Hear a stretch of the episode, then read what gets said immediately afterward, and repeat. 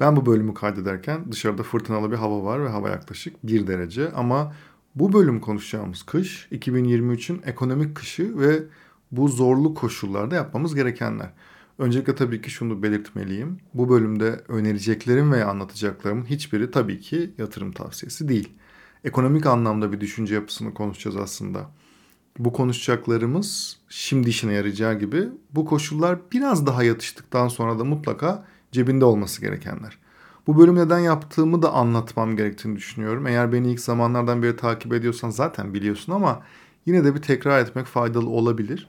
Biliyorsun ben Türkiye'deki şartlara küfredip de coğrafya kaderdir diyen biri hiç olmadım. Her zaman elimizdeki koşullarla en iyisi nasıl yapabileceğimize odaklandım ve zaten Türkiye'deyiz bu topraklarda ne yapalım bizden hiçbir şey olmaz diyen e, o kafa yapısıyla savaş halindeyim. Bazen o kadar ufak sebeplerle başarısız oluyoruz ki bunları bazı teknik ve taktiklerle aslında değiştirmek mümkün.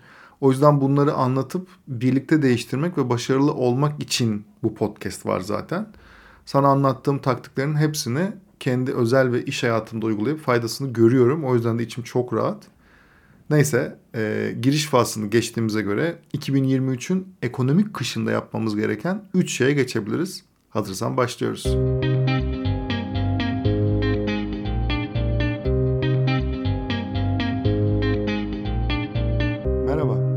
ben Hakan Şık. Fikrin ne kadar önemli ve aslında ne kadar da önemsiz olduğunu konuşacağımız podcast serisi Bedava Fikre hoş geldin.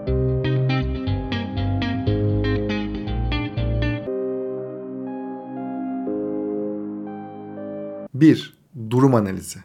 İlk madde tabii ki durum analizi yapmak. Bu çok önemli bir başlangıç noktası. Çünkü herkesin içinde bulunduğu koşullar da uygulanması gereken reçeteler de farklı. Mesela öğrenciysen farklı davranmak zorundasın. Yeni işe girmiş biriysen öyle bir profesyonelsen başka, esnafsan başka, işte startup girişimcisiysen başka, uzun süredir çalışıyorsan, emekliysen vesaire bambaşka. Ama her duruma uygun bir reçete aslında var. Burada belirtmem gereken önemli bir konu ise bu reçetelerin hiçbirinde sihirli bir değnek tabii ki yok. Dolayısıyla literatüre geçmiş haliyle kan, ter ve gözyaşı var. Durum analizinde öncelikle gelir gider tablonu net olarak ortaya koymamız lazım. Gelir gider tablona göre sadece 3 farklı sonuç çıkabiliyor bu arada. Dördüncü bir sonuç yok. Bu sonuç aylık kazancına hem bağlı hem de bağlı değil. Mesela eve giren toplam para 10 bin lira olsun. Eğer ortalama harcaman 9500 liraysa her ay 500 lira para arttırabiliyorsun demektir. Yani 100 bin lira kazanıyorsan her ay ve 85 bin lira aylık ortalama harcaman varsa yine bu kategoridesin. Tek başına ne kadar kazandığını bir önemi yok yani. Bu gruba bundan sonra kısaca yatırımcı grup diyeceğiz. İkincisi gelirin gidere eşit olması. Sistemi anladın zaten. Bu grupta da örneğin evde işte ayda ortalama 20 bin lira giriyor ve harcamalar da yine ortalama ayda yine 20 bin liraysa bu gruptasın demektir. Eğer bu gruptaysan senin grubunun adı günü kurtaran grup. Çünkü günü ve ayı bir şekilde kurtarabiliyorsun. Üçüncüsü ise gelirin giderden az olması. Eğer bu gruptaysan da muhtemelen kredi kartlarına işte taksit atlatmaya veya yeni kredilerde borçlarını kapatmaya çalışıyorsun. Ama bir türlü tünel ucunu göremiyorsun. Örnek aylık olarak gelirin 30 bin lira da olabilir ama evin aylık ortalama gideri 40 bin lira ise gemi su alıyor demektir. Bu grubun adı da ne yapsak grubu olsun. Çünkü sürekli ne yapsak, nasıl etsek, onu oradan nasıl kapatsak, buradan nasıl bir fırsat bulsak, şuradan nasıl kıssak, şunu almasak diye düşünmek zorunda olan grup. Şimdi hayatım boyunca farklı dönemlerde bu grupların hepsinin içerisinde olduğum için nasıl hissettirdiğini de az çok biliyorum. Bu nedenle sadece somut öneriler sunmanın yanında psikolojik bazı yöntemler de anlatmaya çalışacağım. Şimdi hangi grupta olduğunu biliyorsun değil mi? Yatırımcı grup mu, günü kurtaran grup mu veya ne yapsak grubu mu? Dolayısıyla şu an ikinci aşamaya geçebiliriz. İkinci aşama planlama. Şimdi planlama aşaması her grup için farklı ve her birini hızlıca anlatacağım. Ama önde, yani öncesinde her grubun dikkat etmesi gereken birkaç şeyi söylemem lazım. Ekonomik zorluk dönemlerinde her şeyden tasarruf etmeye çalışmak her zaman en iyi yöntem değildir. Bu söylediğim biraz tuhaf gelebilir ama çok ufak zevklerden bile mahrum kaldığını hissedersen bu sefer daha mutsuz ve doğru kararları da veremeyen birine dönüşüyorsun. Dolayısıyla tabii ki gereksiz olduğunu düşündüğün şeyler varsa bunlardan tasarruf et, etmelisin. Ama önceliğin giderini azaltmaktan çok gelirini de arttırmak olmalı. Yani hangi grupta olduğunun bir önemi yok. Şimdi yatırımcı gruptaysan nasıl planlama yapmalısın? Herkes bu grubun en kolay grup olduğunu düşünebilir ama koşullar içerisinde tasarruf yapabilecek konuma gelmek için ne kadar uğraştın tabii sadece sen biliyorsun. Eğer aylık olarak tasarruf yapabileceğin bir miktar parayı kenara ayırabiliyorsan yatırımları şu sıraya göre, önceliklenmeye göre zaten yapıyorsundur veya yapmalısın. Bir, eğer nispeten daha az bir tasarruf yapabiliyorsan tabii ki seçeneklerin işte döviz almak, kur korumalı mevduat hesabı açmak, altın almak, borsada bazı hisse senetlerine yatırım yapmak, kripto paralar veya fon almak gibi seçenekler olacaktır. Şimdi birinci şey bu. İkincisi daha yüksek bir tasarruf yapabiliyorsan öncelikle işte özellikle şu dönemde değerini koruduğu için ve işte enflasyona da krediler e, bir şekilde daha mantıklı bir hale geldiği için araba almak veya ev almak tabii ki muhtemelen senin de aklına gelen seçenekler. Şimdi bu iki aşamada da dikkat etmen gereken önemli bir nokta var eğer bu grubun içerisindeysen.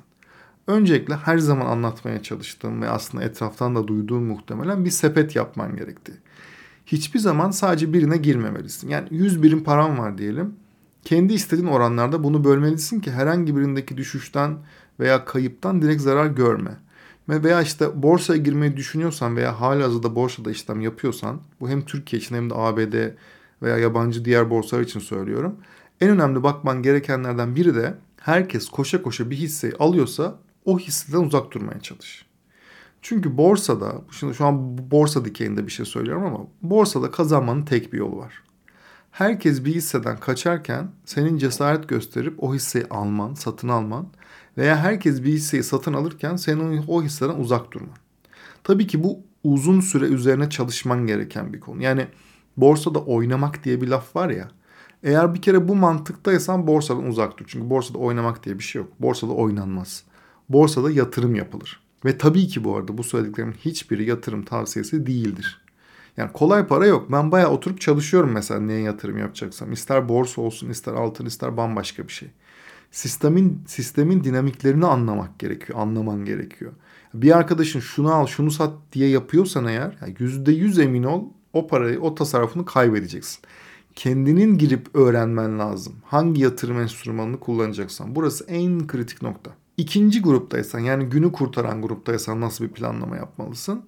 Bu gruptaysan herhalde amacımızın seni yukarı yatırımcı gruba çıkarmak olduğunu söylemeye gerek yok. Yani gereksiz harcamaların varsa bunları da yapma demeyeyim zaten buradan. Yapıyorsan zaten seni üst gruba alma şansımız düşürüyorsun demektir ama en başta söylediğim gibi yani gene de keyif aldığın her şeyi bırakmak seni mutsuz edecektir. Dolayısıyla kendi içinde bir denge kurman lazım ama örneğin maaşın 10 bin lira diyelim hafta içi her gün Starbucks'ta gidip bir kahve 60 lira veriyorsan ki ortalamada yaklaşık 1000-1200 lira falan ediyor. E burada bir sıkıntı var demektir tabii. Şimdi bunları zaten biliyorum. Bana bilmediğin bir şey söylüyorsun değil mi? Çok haklısın. Şimdi aylık gelirini arttırmanın yollarına bakmamız lazım. Bunun da kısa, orta ve uzun vadede yolları var. Uzun vadeli yollar tabii ki kendine yeni yetenek setleri eklemen. Örneğin son dönemde işte yapay zekadaki gelişmeleri takip ederek bu araçları kullanman sana çok fazla fayda sağlayabilir. Bunu söylüyorum ama doğru düzgün yani İngilizce bilmemek de artık mesela kabul edilebilir bir durum değil. Yani bir yolunu bulup online bedava kaynaklardan da olabilir. Mesela İngilizceni iyi bir seviye mutlaka çıkarmalısın. Eğer tabii çok iyi olmadığını varsayıyorum bu arada. Yani bunlar uzun vadede mutlaka mesela veya buna benzer yapman gereken şeyler var. Orta vadede ise senin de aklına gelen işte yeni bir iş bulmak veya yeni bir iş açmak olabilir ama bunlardan hangisi sana uyuyorsa tabii. Burada önemli birkaç yol var. Büyük bir şirkete girebilirsin ve kendini bir nebze daha güvende hissedebilirsin ama bu yıl pek kendini güvende hissedebileceğin bir şirket olabilecek mi çok emin değilim. Yani yurt dışında birçok işte işten çıkaranları vesaire görüyoruz. Türkiye'de de olma ihtimali olabilir. Dolayısıyla burada doğru karar vermek çok önemli. Startuplar ve teknoloji şirketleri çok büyük fırsatlar içeriyor. Örneğin bazılarında işte hisse opsiyonu vesaire de olabiliyor. Dolayısıyla nispeten düşük veya ortalama maaşlarla başlayıp hisse opsiyonu için de uğraşabilirsin veya işte daha yüksek maaşlarda ilerleyebilirsin vesaire. E bir diğer seçenek de tabii ki yan veya ek işler. Örnek olarak freelance sosyal medya içerik üreticisi olmak bence gerçekten çok zor değil ve ben hani mesela bulmakta zorlanıyorum bazı kendi kişisel işlerim için yani. Gerçekten kullanılacak araçlar belli, yapılacak iş belli. Ya mesela örnek olarak bir markanın işini almış gibi ona içerik üretip bir Instagram hesabı açabilirsin yani. Her içerikte bir hesap açtın ve orada her içeriğinde, her Instagram postunda farklı markaya içerik üretmiş gibi yapıp bir portfolyo bile oluşturabilirsin. Yani kolay derken bu arada yapabilirsin anlamında söylüyorum. Yoksa emek ve zaman ayırman gerekli yani. Yine aynı noktaya geliyoruz. Kanter gözyaşı tabii. Geçelim üçüncü gruba. Nasıl yapalım grubundaysan ne yapmalısın? Bu gruptaysan sen öncelikle tabii ki günü kurtaran gruba almayı hedefleyeceğiz. Bu gruptakilerin genel gördüğüm en önemli hatası ilk maddede konuştuğumuz durum analizini bir türlü yapmamaları. Dolayısıyla o kısma tekrar dönmeni rica edeceğim senden. Biliyorum bir yerden sonra öyle bir noktaya geliyorsun ki bakmak bile istemiyorsun. Lanet edip strese giriyorsun. Çok iyi biliyorum. Ben de yaşadım. Ama bunu yapmadıkça da durum daha kötüye gitmeye devam ediyor işte. Yani bu yüzden her ay işte kira ne kadar, kredi kartlarının asgarileri ne kadar, krediler ne kadar, nakit ne kadar harcıyorsun vesaire hepsini alt alta yazman gerekli ki işte ister kağıt kalemle yaz bu arada istersen Excel'de. Bir de şöyle bir durum var. Tabii ki bu sarmaldan bir çırpıda kurtulamayacağını da bir bilmen lazım. Zaten en önemli kısımlardan biri bu. Hedefin her ay işte kredi kartı kullandığını varsayıyoruz. Her ay asgarisini ödediğin kredi kartlarına biraz daha fazla para yatırmaya çalışmak. Başlangıç noktası bu. Şimdi diyelim ki bunu 3 ay yaptım. Sonra bir şey oldu ve ek bir harcama hop hepsi gitti. Asıl pes etmemen gereken noktada burası. Yani moralin bozulsa bile yine asgari ödemenin biraz üstünde ödemeye çalışmaya devam edebilmen lazım. Bunları yaparken tabii ki senin de kendini geliştirmeye devam etmen gerekli. Özellikle İngilizce çok çok önemli. Hafta sonu yapabileceğin ek işler veya yüksek maaşlı bir iş aramak zaten senin de aklına gelen yöntemler ama yani bir harekete geçmek gerekiyor. Yani ben YouTube'u çok önemsiyorum örneğin. Yani YouTube'dan nalbant olmayı da öğrenebiliyorsun. İngilizceye de o kadar büyük bir fırsat var ki elimizde. Ben oturup mesela nal, nalbant olmayı düşünmesem de nalbant videoları izliyorum ve böyle az çok biliyorum hani nalbantlık da böyle hani şey bir şekilde hani aranan mesleklerden biri Türkiye'de çok bilinmese de çok çünkü tırnak içerisinde cool bir meslek değil örneğin ama gibi gibi. Şimdi durum analizimizi yaptık. Planlama kısmını da geçtik. Sırada son maddemize geçiyoruz. Bu da tabii ki aksiyon almak. Bu maddeyi her gruba birlikte anlatabilirim çünkü her grubun yapması gerekenler aslında az çok belli. En ama en önemli şey ise uzun süre yılmadan bunları yapmak. Yani moralin mi bozuldu?